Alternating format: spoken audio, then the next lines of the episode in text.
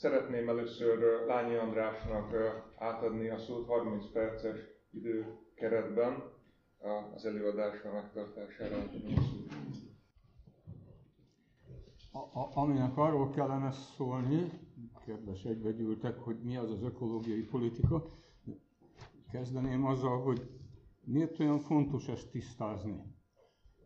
Mostanában egyre többet gondolkodom azon, hogy lehet az, hogy az elmúlt három évtizedben, amióta én ilyesmivel foglalkozom, azóta az ökológiai politika iránti érdeklődés nemhogy nem növekedett, hanem nézzünk ezzel szembe, csökkent. Miközben a úgynevezett ökológiai katasztrófa vagy globális ökológiai válság szépen kibontakozik, és már a mindennapi életben tapasztalhatóak a következményei, és a tömegek nem indultak meg a zöld pártok vagy az ökológiai politika felé, nem tudom, észretetszettek -e ezt venni. Mi nagyon. Ö, és lehet, hogy rájöttem valamire, lehet, hogy butaság. Szóval az a gyanúm, hogy maguk a zöld pártok és ökopolitikai mozgalmak is elhitték, hogy nekik a környezeti katasztrófával kell ö, foglalkozni, rászálltak a klímaváltozásra és mindazokra a közvetlenül és nyilvánvalóan környezetvédelmi ügyekre, amelyek úgy gondolták, hogy ezek azután az legegyszerűbben kommunikálhatók. Igyekeztek megszabadulni a bonyolultabb filozófiai mondani valótól, és megszabadulni az olyan programoktól, amik nem mindenkinek tetszenek, tehát amik konfliktust okozhatnak. És ezzel egy reménytelen helyzetbe navigálták magukat. A környezetvédelmek tudnék nincsenek ellenségei. És ez a politikában egy kilátástalan helyzet.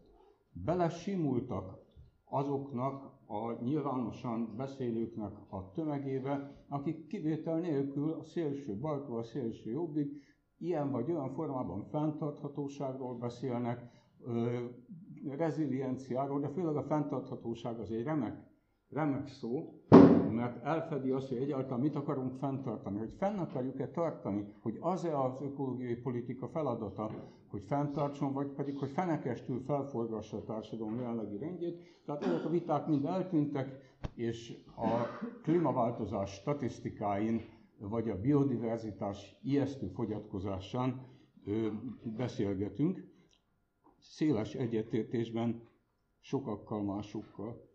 Tehát, hogy röviden azt, az volna az, a, a tézisem, hogy elfelejtettük, hogy mit akarunk mondani. És akkor ne, ne csodálkozzunk, hogy, hogy nem keltünk olyan égtelen nagy érdeklődést.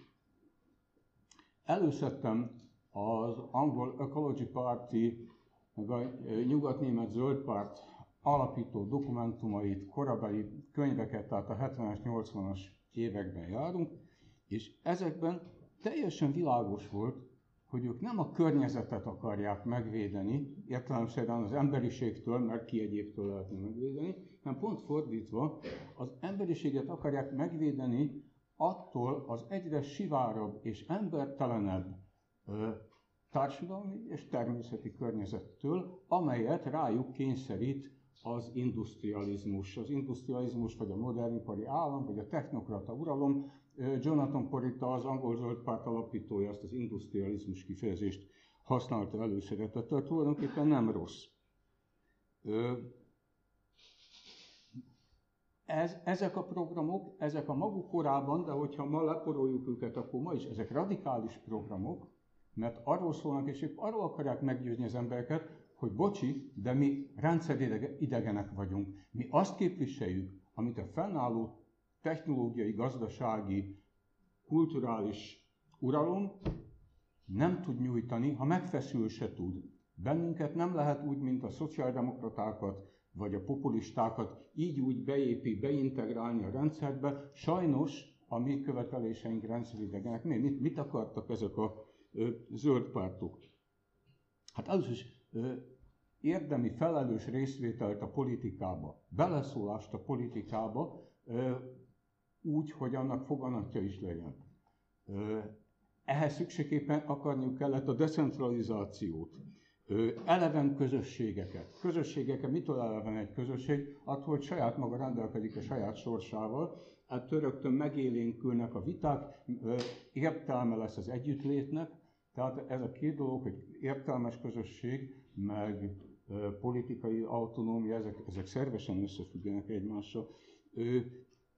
Ehhez értelemszerűen élhető településeket akartak, élhető várost, élhető falut, azaz ezeket a, a, a modern logisztikának, a militarizált város és település fejlesztésnek kiszolgáltatott településeket visszaadni az ott lakóknak. Ez, ez se fér bele. A, a rendszer étlapján ez nem szerepel. És legfőképpen értelmes munkát akartak. A sivár lélektelen munka, vagy a munkanélküliség helyett értelmes munkát, ami viszont a hatékonyság elvvel és ennek a kérlelhetetlen alkalmazásával megint csak összeférhetetlen. Végül, de nem utolsó sorban a fogyasztói tömegkultúrának a leleplezésével, tehát abból kimutatták, hogy ez nem a jólét, hanem a technológiának való mérhetetlen kiszolgáltatottság, egy technológia függő életmód, ebben pedig szembe mentek a rendszer alapvető érdekeivel. Hozzáteszem, hogy, hogy, hogy a legnépszerűbb és a legvonzóbb oldalával is, és így, így tudták magukhoz vonzani, nem a többséget, tehát egy, egy erősen innovatív politikai gondolat soha nem a többséget célozza meg, hanem vagy senkit, mert mindenkihez akar szólni, vagy pedig azokat, akik valóban ezekre a valamiért az élettapasztalatukból következik, hogy ezekre az elvekre érzékenyek.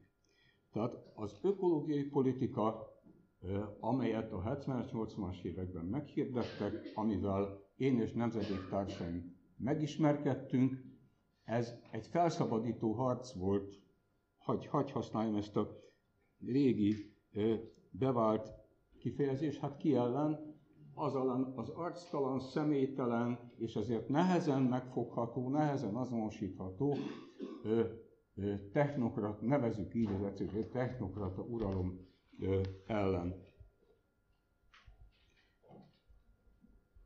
Ez, hogy ez a ki ez egy nagyon fontos, ez egy bizalmi kérdés.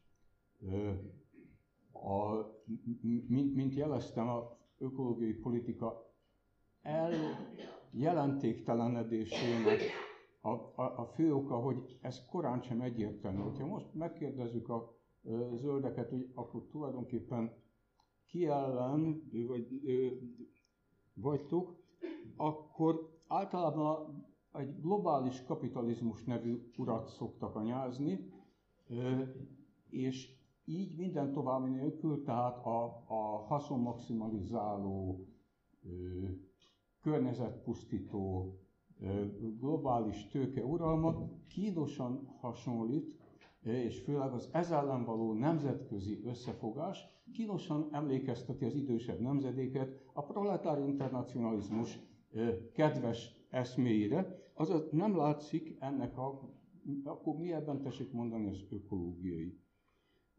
A,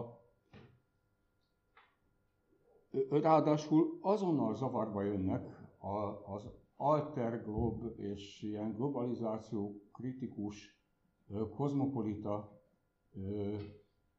piacellenes barátaink hogy akkor, akkor mit akartok ellene, hiszen az államoknak, az állami központosításnak is ugyanolyan ellenségei, igen helyesen természetesen. Most akkor, kezdcsopom, most akkor se állam, se piac, akkor ezeknek semmi se jó.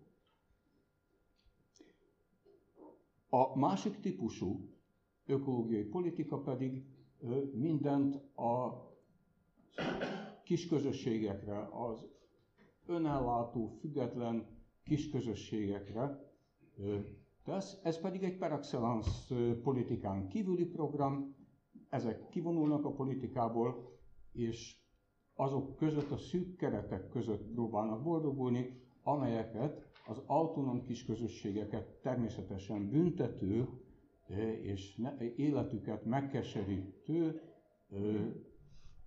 gazdasági, jogi környezet számukra lehetővé tesz. De mondom, ez egy politikán kívüli, rendkívül ígéretes kezdeményezés, de akkor ennek a mondani való az, hogy tulajdonképpen nincs szükség ökológiai politikára, nincs itt semmi látnivaló.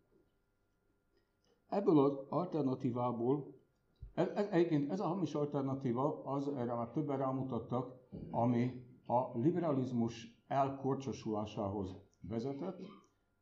Ezt Bibó István az európai társadalomfejlődés értelméről szóló tanulmányában, meg a halálos ágyán részben írt, részben diktált vázlatában többször érinti ezt a kérdést, hogy az a rémség történt, hogy valamiért a derék liberálisok összetévesztették az óriás céget, a cégbirodalmat a magántulajdonnal, a világpiacot összetévesztették a piaccal.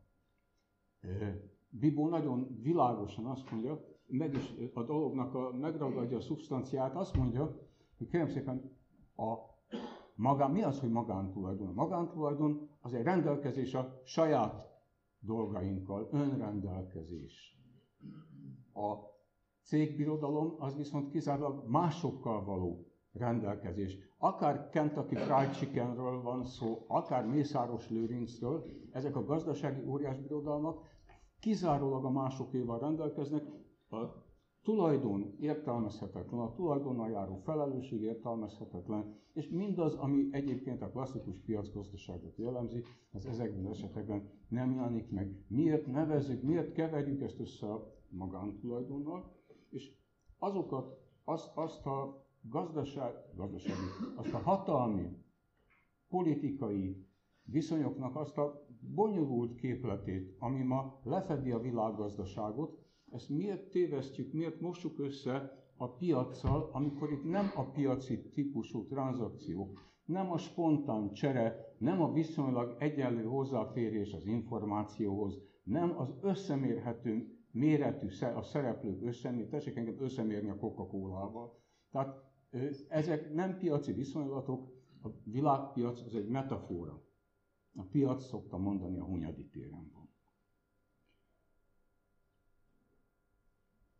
Ez egy harmadik utas program, mint ahogy ugye pont Bibót hoztam fel, felhozhatom volna Wilhelm Röpkét is, a harmadik út szerzőjét, a, a könyv, amit éppen most vettünk a kurzuson, utoljára 943-ban jelent meg, magyar, először is utoljára magyar nyelven, hogy Bibó még, Bibó még a harmadik útban se sorolható fel olyan, be olyan egy, egyszerűen, de maga a harmadik út nem is egy markáns irányzatot jelent. Azt jelenti, és úgy azt állítom, hogy egy lehetséges ökológiai politika csak harmadik utas lehet, abban a vonatkozásban, hogy felismeri, hogy ezek az állami központosítás és a kizárólag a gazdasági hatalomra és a gazdasági szereplők közötti viszonyokra alapított globalizáció ugyanannak a jelenségnek a két változata, részben fel is tételezik egymást, erre már Polányi Károly rámutatott, szintén 940-es években megjelent nagy átalakulásban, ezek nem egymás alternatívái. Hogyha a piac és az állam, a állami központosítás és a gazdasági szereplőknek ez, a, ez, a, ez az egyre túl, túlnövekedése, ezek egymás kiegészítők, akkor mi lehet az a politikai szervezőerő, ami ezeket kiegészítheti, vagy ami ezeknek, ami felülírhatja egy haszonelvű versenygazdaság logikáját, és felülírhatja egy racionálisan, állító, a, a maga szempontjából mindig racionálisan intézkedő állami bürokráciát, ez volna a közösség ezeknél a harmadik utas gondolkodóknál, az ökológiai politika nem tud más lenni, mint közösségelvű, kommunitárius, és ebből a programból viszont rengeteg minden következik. Következik belőle az egyértelmű elköteleződés a lokalizáció, decentralizáció mellett mindenfajta központosításnak a bátorabb utasítása.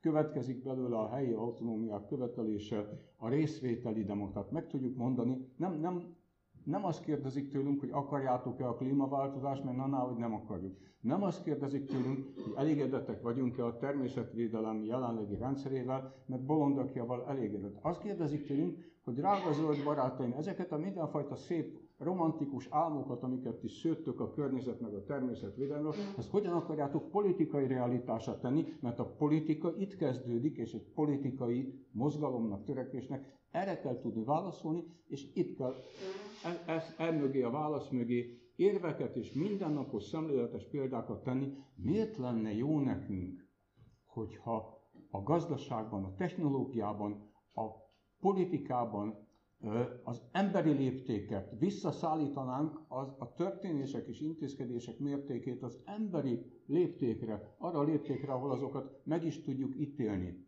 Miért lenne jó nekünk, hogyha megfelelő tudás birtokában, tehát kompetens, illetékes módon tudnánk hozzászólni azokhoz a sorskérdésekhez, amelyekben kikérik vagy nem kérik ki a véleményünket. Természetesen erre csak akkor lennénk képesek, hogyha ezek a, a, a lehető legtöbb kérdés dőlne el helyi, munkahelyi, kisközösségi vagy kisebb közösségek szintjén, de hát mi akadálya van ennek? Ja igen, a, a központosítás.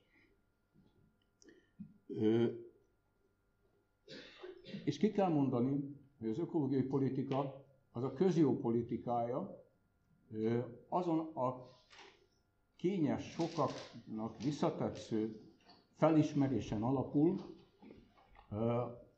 amit úgy fogalmaztam meg, hogy mi nem akarjuk, hogy mindenkinek jó legyen.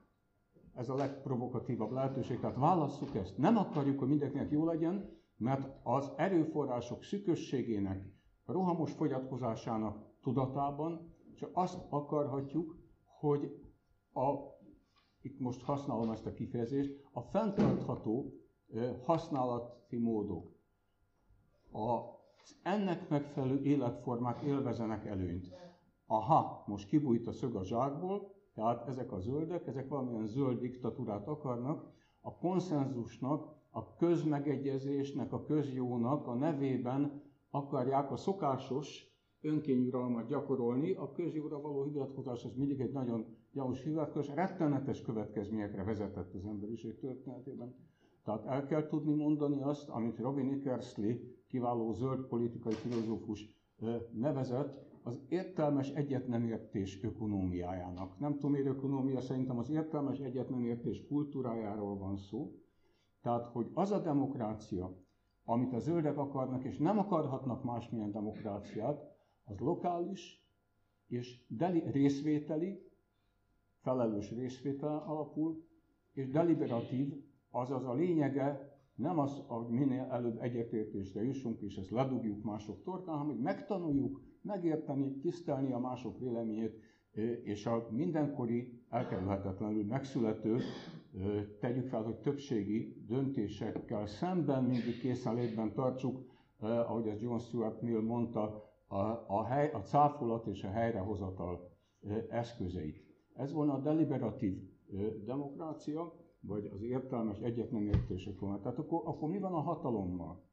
Az angol zöld párt alapító, akire hivatkoztam, Jonathan Porrit azt mondja, hogy a zöld párt sikerességét azon kell lemérni, hogy milyen gyorsan tudja feleslegessé tenni magát.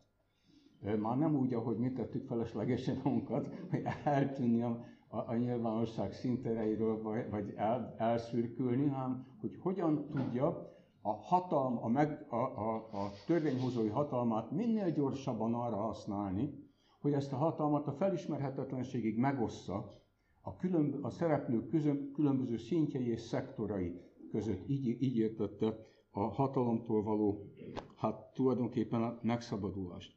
Egy, egy kérdés marad, gondolom olyan sokkal többre nincs is ide, nem állunk meg olyan rosszul, e, e, de annál minél több marad a vitára, annál jobb.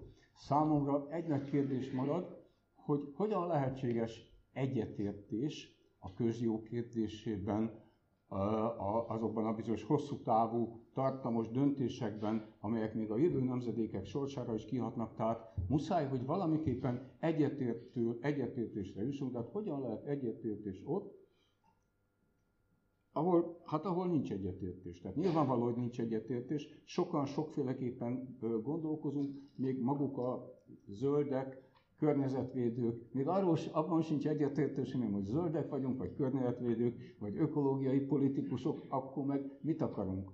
Tehát hogyan lehet egyetértés ott, ahol nincs egyetértés?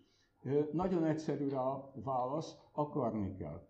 Egyetértés soha nincsen, az arra való, hogy megbomoljon. Valójában egyetértés alatt azt értjük, amikor a felek abban egyetértenek, hogy érdemes meghallgatniuk egymást, abban egyetértenek, hogy jobb egy közös cél érdekében munkálkodni, még ha nem is teljesen értünk egyet a közös célral, mint külön-külön egymás rovására próbálni boldogulni, mert az nem szokott sikerülni. És bízunk abban, talán ez a bizalom a legfontosabb, hogy bízunk abban, hogy az egyetértésnek értelme van. És ezért keressük, újra és újra nem adjuk fel, bár napról napra meghiúsul az egyetértés. Szerintem akkor van baj, hogyha az egyetértés stabilizálódik, és egy ország egy emberként ütemesen valamit állít, ilyenkor mindig baj van, ez ismerős ugye a helyzet. Tehát, hogy bízunk, a bizalom arra irányul, hogy mi újra és újra érdemes lesz megkeresnünk az egy- egyetértést, értelme van az együttműködésnek. Miért lenne értelme az együttműködésnek, drága magyar testvéreim? Azért, mert rendelkezünk a sikeres együttműködés tapasztalatával. Drága magyar testvéreim, mi ezzel nem rendelkezünk. Ez egy speciális helyi probléma, ami sajnos nem érinti ennek az általános szükségszerűségnek az igazságát, hogy ebben a hiszemben, ezzel a bizalommal képes csak egy emberközösség együttműködni. Azért találunk a történelmünkben, még 20. századi történelmünkben is a sikeres együttműködésre néhány szép példát. Karácsony Gábor pont ezekre szokott hivatkozni, amikor szomorúan állapította meg, hogy egy nyilatkozatában, és maradtam egyedül a nem létező nemzeti egység, de fel tudta sorolni azokat az 1956-os, 1988-as, hát sokkal több nem jutott eszébe, eseményeket, amikor ez, az, ez a bizalom a közös cselekvés értelmében, ez valóban mozgósítani tudta a magyarokat, úgyhogy lehet, hogy ettől még mi se vagyunk elzárva. Azt reméltem, hogy a vázlatom utolsó pontjára nem lesz idő, hanem kifutok az időből, de sajnos nem futottam ki az időből, akkor még szóba hozom ezt is, hogy na most akkor mit mondott ez a lány? Már megint nem lehetett tudni, hogy ezek jobboldali vagy baloldali duma, anarchista vagy konzervatív. Röviden azt állítom, hogy én egy anarcho-konzervatív vagyok, és ezt csak mostan, nagyon régóta így gondolom, de csak idén kezdtem ezt nyilvánosan hangoztatni, mert rájöttem, hogy ebben nincs semmi ellentmondás. Tessék, mi a különbség anarchista meg a konzervatív között? Ezt majd a vizsgán fogom kérdezni. A, szerintem nem nagyon nagy, mi a rokonvonás? Mind a kettő az uralomnak, a központosításnak és a nagy utópiáknak a szkeptikus ellenfele. Mind a kettő úgy gondolja, hogy valamilyen spontaneitás az emberi közösségek életében elkerülhetetlen a hiba, a tévedés, a rossz. A, ha ez egy spontán működés eredményeképpen tévedünk, általában sokkal kevesebb bajt tudunk okozni, mint hogyha központilag szervezve állami vagy transnacionális méretekben egységesen követjük el ezeket a tévedéseket. Idáig a a, a közösség az anarchista és a konzervatív között. A különbség egészen aprócska. Amikor az anarchizmus atya Kropotkin herceg az önkéntes társulás, kényszermentes együttműködés elvét, mint természettörvényt megfogalmazta, akkor ö, egyrészt nem gondolta arra, hogy az, a kényszermentes együttműködés az, hogy a követelmény, a társulás viszont nem egészen önkéntes. A, talán ennyi a különbség. A konzervatív felismeri azt, hogy a társulás az emberközösségekben, hogy úgy mondjam, adottság. Beleszületünk a közösségeinkbe, beleszületünk a kultúrába, az előítéleteinkbe. Ezzel a történelmi dimenzióval, a nemzedékek közötti összefüggéssel a konzervatívok az ismert Edmund Burke formula óta inkább vannak jobban, az anarchisták pedig hadilábon, mert az anarchisták osztoznak abban a baloldali, egyes anarchisták osztoznak abban a baloldali reménységben, hogy a múltat végképp összetörni, azaz a semmiből lehet valami újat teremteni. Tulajdonképpen az a Murray Bookchin és a Social Ecology öntudatosan anarchista hívei nem ezt állítottak, sőt rámutattak az antigörök poliszokban, a középkori városállamokban arra a történelmi hagyományra, ami ezeknek az uralommentes közösségeknek a hagyománya. Tehát röviden az uralommentesség és a hagyományelvűség nem mond egymásnak ellent, a hagyományelvűség nem tekinti elvűséget jelent, csupán a figyelembe vételét ezeknek a történelmi meghatározottságos folyamatoknak, röviden szólva a hagyomány ebben az esetben a hagyomány értelméről való vitát jelent, és nem tudunk másról vitatkozni. Higgyétek el, nem tudunk másról vitatkozni, mint egy hagyomány értelméről, mert a nyelv, amit a vitához használunk, az maga is egy kulturális örökségnek a része.